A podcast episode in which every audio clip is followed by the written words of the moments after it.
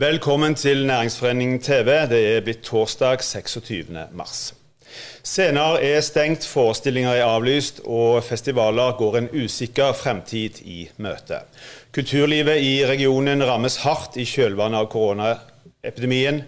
I dagens sending får vi besøk av både artister, konsertarrangører og andre fra kulturlivet. Men vi begynner med deg. Espen Jong Svendsen, du står bl.a. bak musikkfestivalen Utopia. Eh, blir det noen festival i år? Eh, det vet vi jo ikke ennå. Eh, vi jobber jo mot det, og vi forbereder oss jo sånn som vanlig. Eh, men vi kan ikke garantere noen ting. og for oss er det litt sånn eh, vente uke for uke for å se hvordan ting utvikler seg, og hva beskjeder vi eventuelt får. Mm. Og de må vi forholde oss til uansett. Vi kommer litt tilbake til, til festivalen, men se litt først, hvordan preger denne situasjonen kulturlivet i regionen, sånn som du opplever det? Nei, det preger jo med at struper det jo fullstendig. Eh, det er, vel, det er jo ingenting som skjer nå, og det er vel heller ingen som vet når ting kan skje igjen. Eh, og Derfor så planlegger vi jo egentlig ut ifra uforutsette ting. Eh, en tidslinje som vi ikke vet om. Og det er jo veldig vanskelig å jobbe ut ifra. Vi jobber jo Altså, Vi som jobber i kulturen, vi jobber jo for å lage møteplasser. Det er det vi elsker. Mm. Og når vi ikke kan gjøre det, så har vi jo mista egentlig hele livsnæringen vår. Mm. Og, og, det som er grunnlaget vårt. da. I forhold til Utopia, hva, hva alternativer har dere? Er utsettelse en, en, mulighet? Utsettelse kan være en mulighet, og flytting av lokasjon og den slags er jo òg eh, sånn sett noe vi tenker på allerede i dag, og jobber litt som plan A, plan B, plan C. Eh, men igjen så vet vi aldri hvor lenge dette varer. Mm. Eh, og det, vi vet jo heller ikke tid vi får beskjed om å slippe opp ting, eller tid vi som festivaler av større rang kan gjøre ting. og Derfor så står vi litt stille ennå mm. på det, og sitter i båten. Men Hvor langt eh, var dere kommet i, i eh, programarbeidet? Nei, vi var vel egentlig nesten i mål med alt. Eh, vi hadde ikke offentliggjort alt, for vi skulle egentlig offentliggjøre det nå i mars-april. Så det er jo litt typisk at vi var akkurat rett før, men på sett og vis òg litt bra at vi ikke kom så fort i gang med akkurat det. Så vi har jo egentlig booka det aller meste, men markedsføringsmessig sammen og holdt litt igjen. Men Hvordan forholder dere dere da til de som dere allerede har eh, vært i kontakt med, og som kanskje har en kontrakt med? Nei, altså det er litt sånn merkelig tid akkurat nå, for vi er så sent på sommeren at alle sitter ennå og håper at det skjer. og Det gjør òg artister, og det gjør òg management og booking. så Derfor så er det bare litt sånn i dag at de holder litt igjen. Og så tenker de kanskje at vi må fokusere på de festivalene som i mai, juni, juli først. Og så kommer vi til august litt senere. Eh, så vi har ennå ikke gått eh, veldig dypt i dialog, men vi er jo veldig dypt i dialog på, på en måte bransjenivå. Da. Altså mm.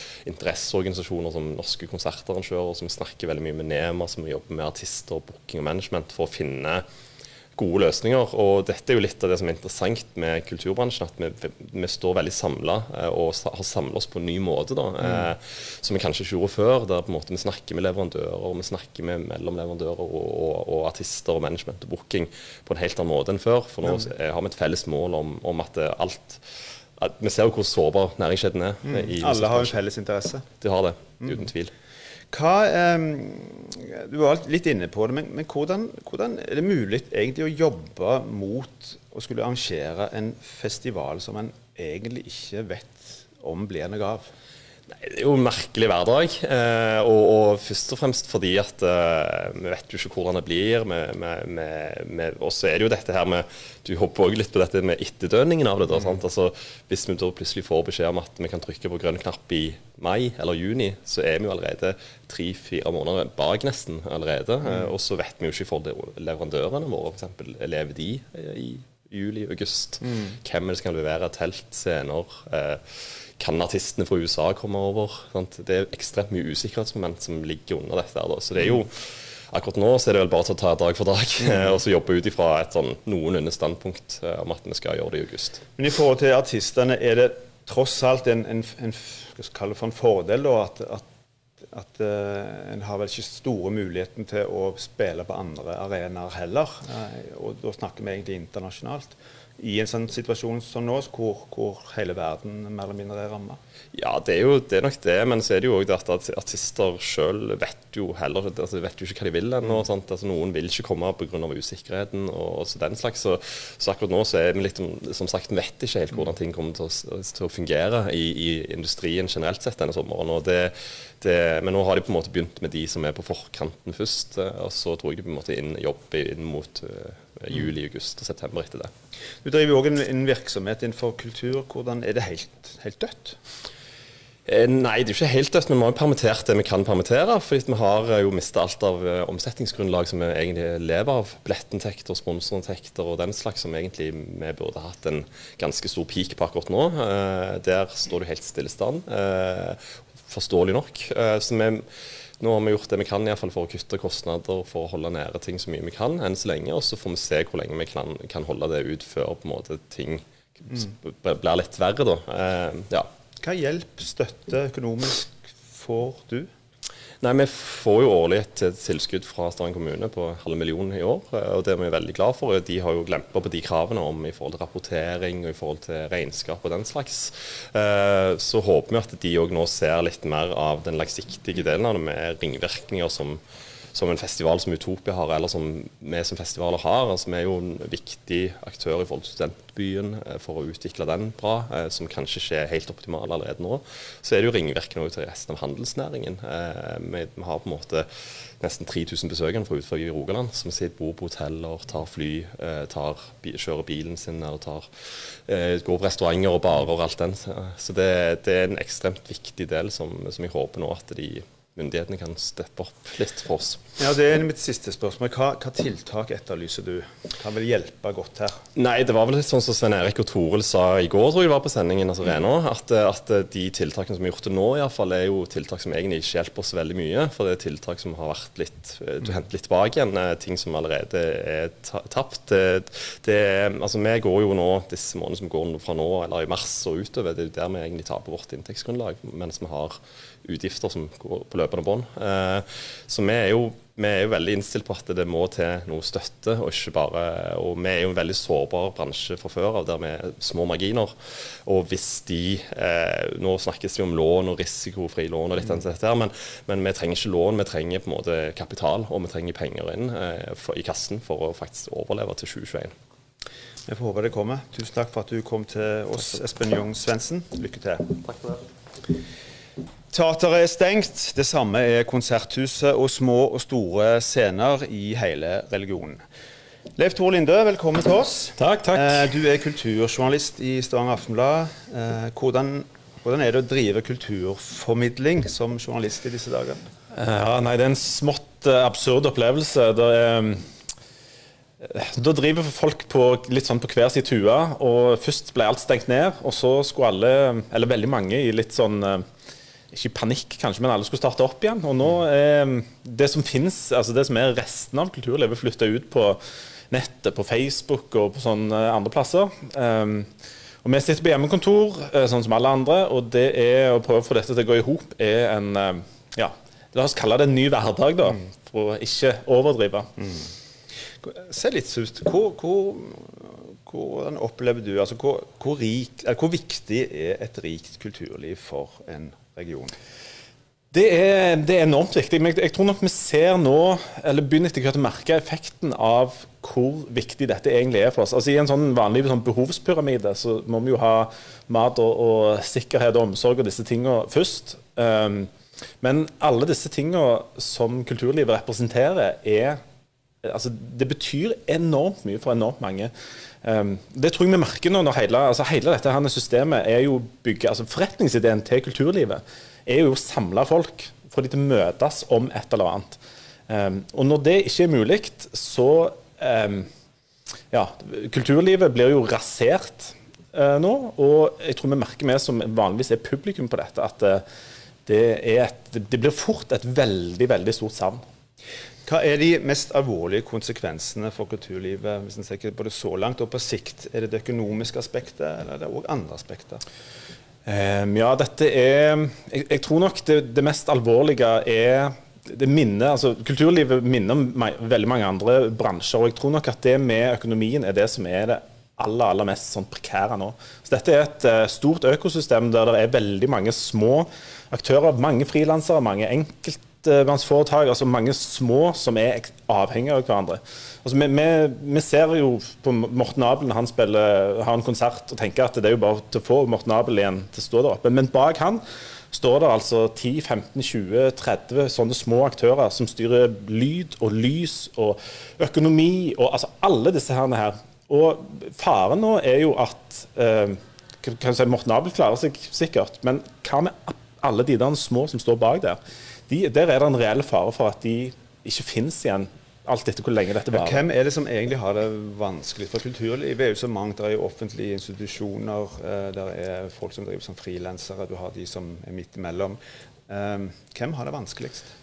Ja, hvem dette er ja, De som nok har det verst, er de små som skal stå på egne bein. Altså jeg, det, er nok, det, er nok, tungt å være konserthus og teater og sånt i, disse tider, men de har tross alt et så De er en, til en stor grad finansiert av det offentlige og har på en måte rammer for å kunne takle dette, tror jeg bedre enn de som står helt alene. Altså De som får den største smellen her, det er frilansere, folk som skal stå på egne bein. Altså det som ja, La oss kalle det små og mellomstore bedrifter. da. Mm. De er ille ute.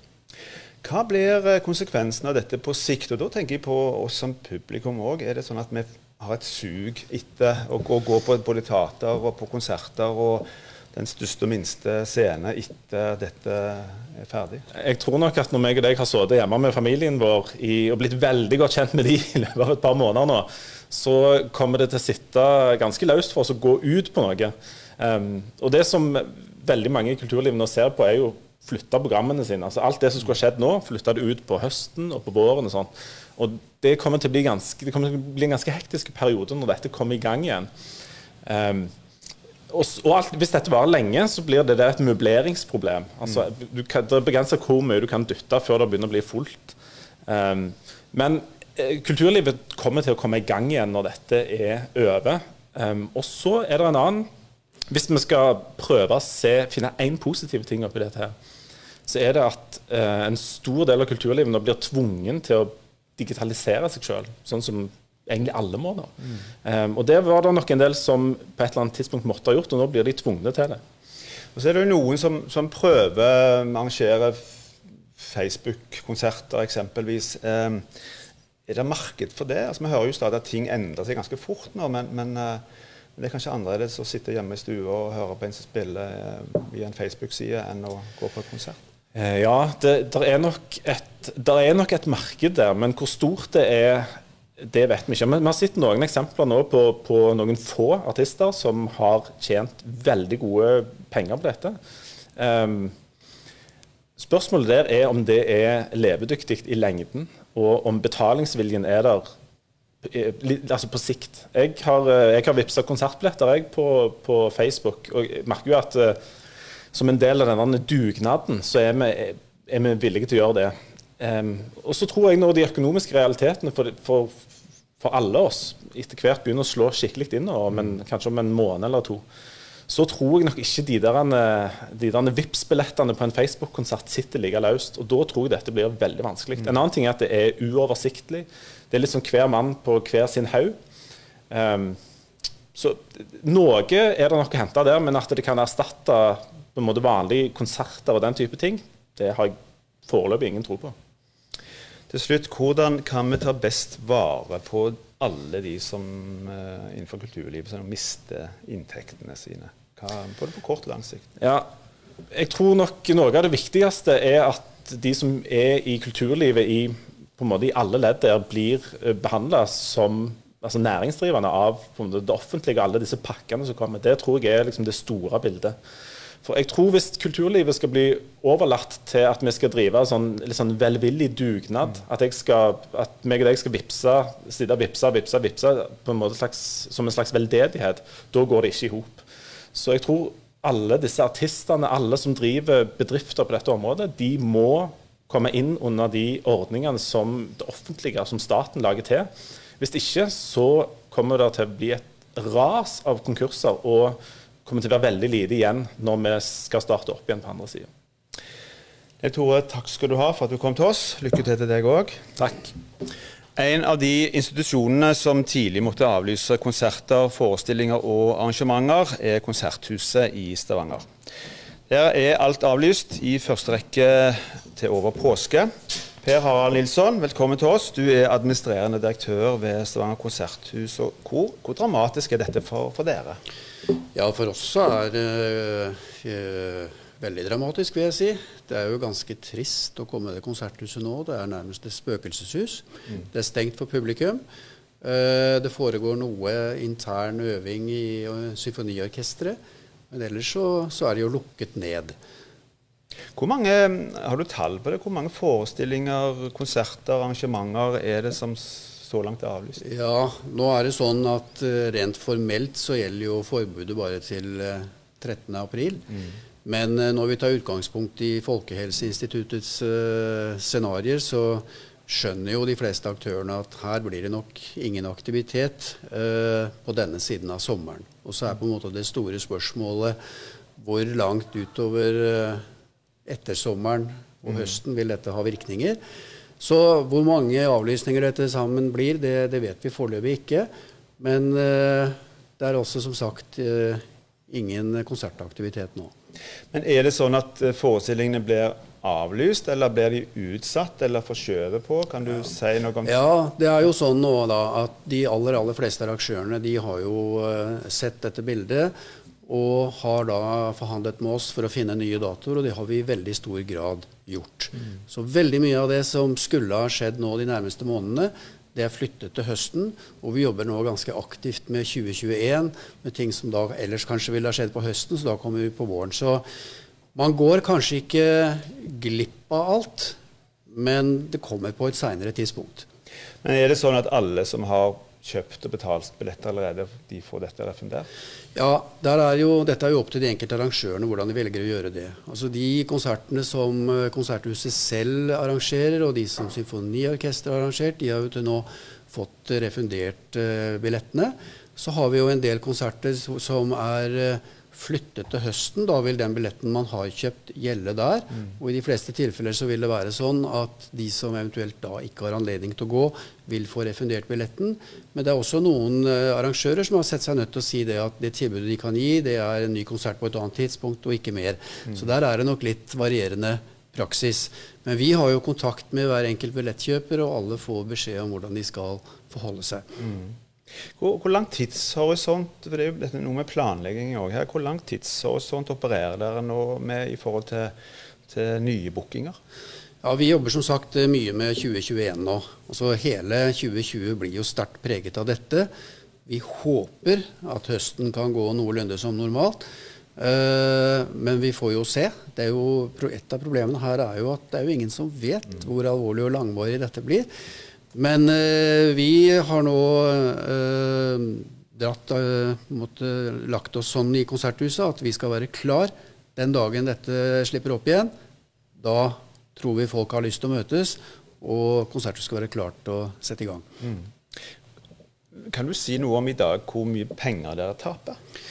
Ja, altså, Konserthuset, når det stenger ned, så, så taper jo vi sånn ca.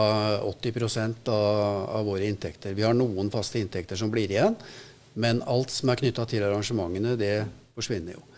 Og da er det inntektstapet fordelt noe på Konserthuset som arena.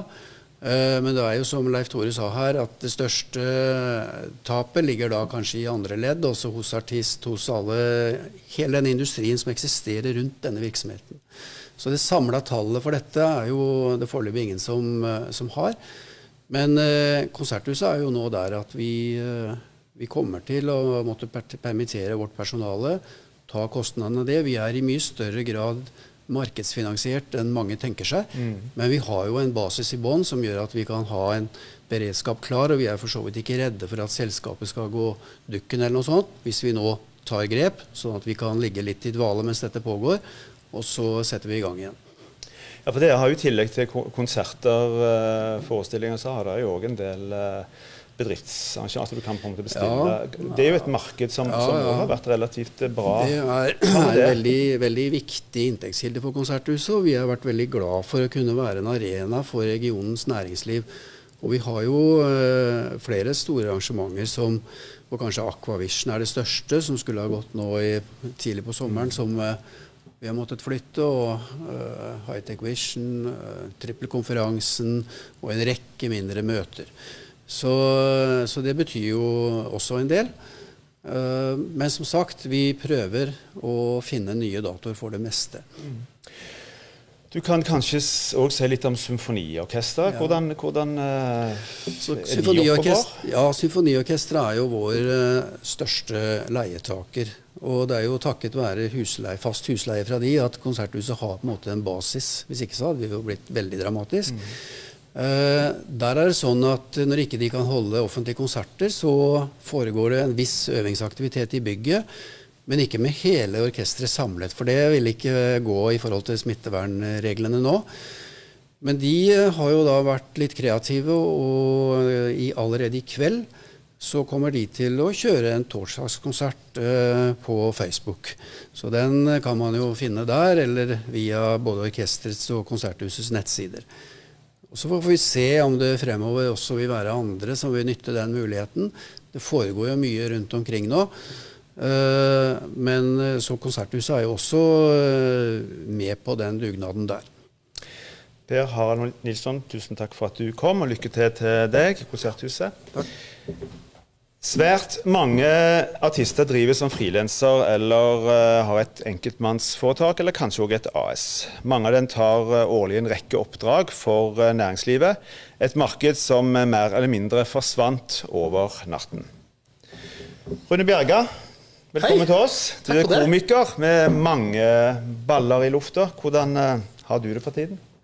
Har det ganske bra, altså. Må si det. Men det ble jo bom stopp hos meg som så mange andre på oppdrag. Men eh, jeg har, ja. Si litt om konsekvensene for det. Hva skulle, hvor, hva skulle du gjort nå, og hva, hva er blitt avlyst?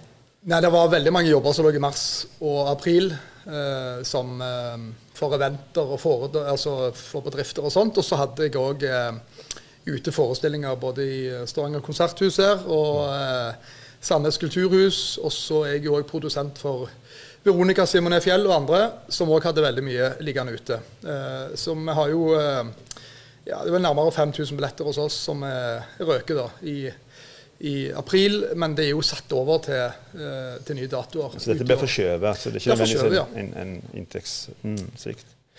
Men er det mulig per i dag, altså i dagens situasjon, i det hele tatt å, å tjene penger som komiker? Ja, det er faktisk det. Eh, det som Det første som skjedde som var ganske bra, det er jo det at eh, de eh, oppdragsgiverne jeg hadde, i hvert fall, og jeg forstår andre har opplevd litt av det samme, det er at de betalte enten halvt eller helt honorar. Eh, ikke fordi de måtte, mange fordi at de ville. Så det er jo fantastisk.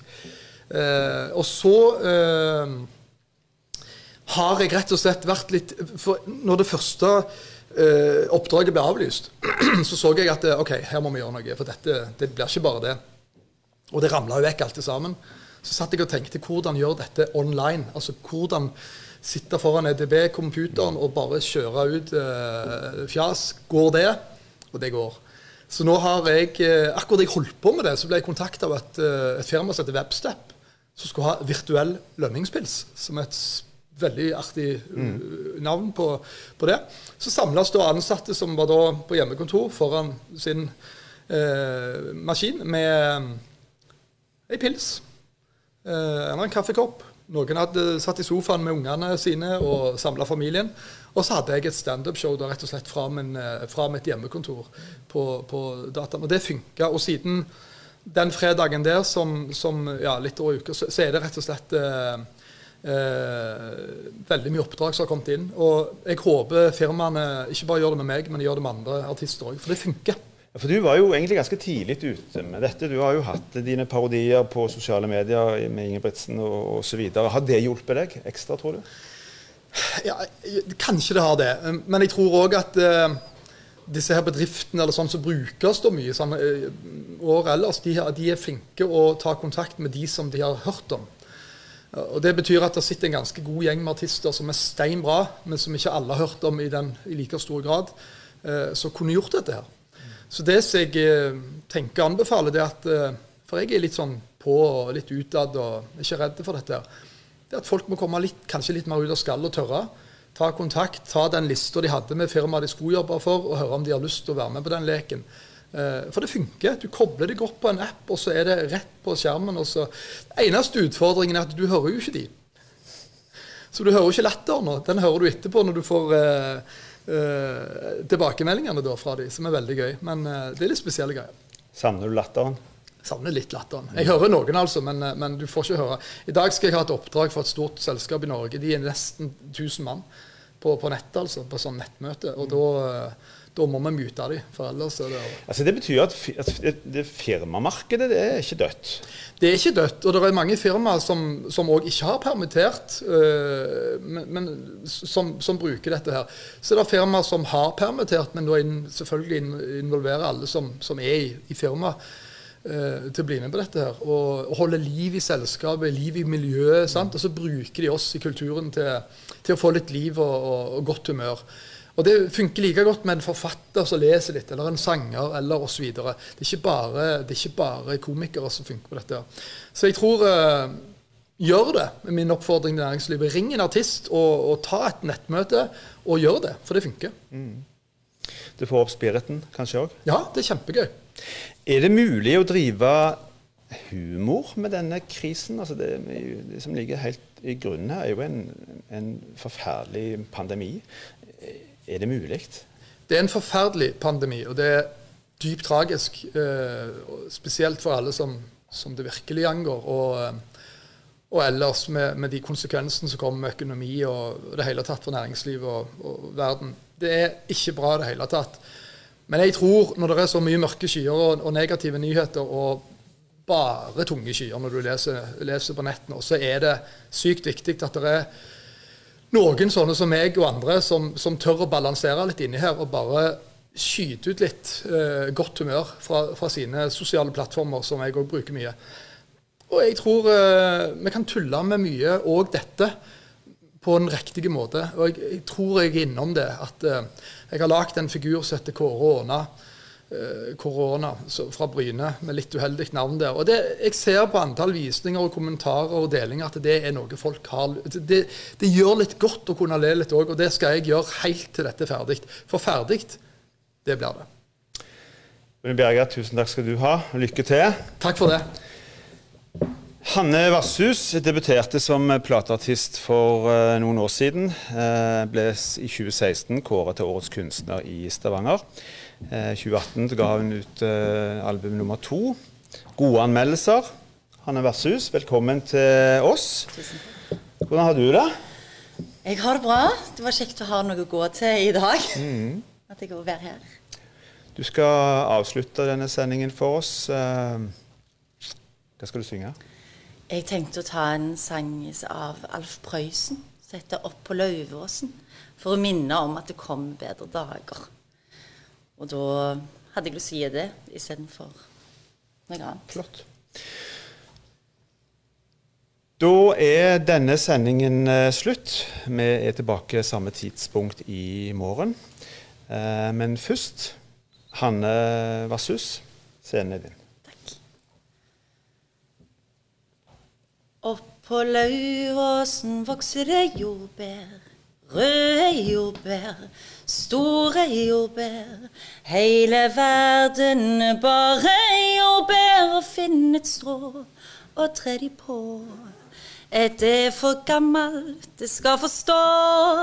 Et er for grønt, det går vi ifra. Men alle andre skal vi ta med hjem igjen og leve lykkelig med sukker på. Oppå Lauråsen vokser det gutter, store gutter, lange gutter. Hele verden bare gutter, og finn et strå og tre de på. En er for gammel, han skal forstå. En er for ung, han går med ifra. Men alle andre skal vi ta med hjem igjen. Og leve lykkelig med sukker på. Oppå Lauvåsen vokser det minner, gode minner, galne minner.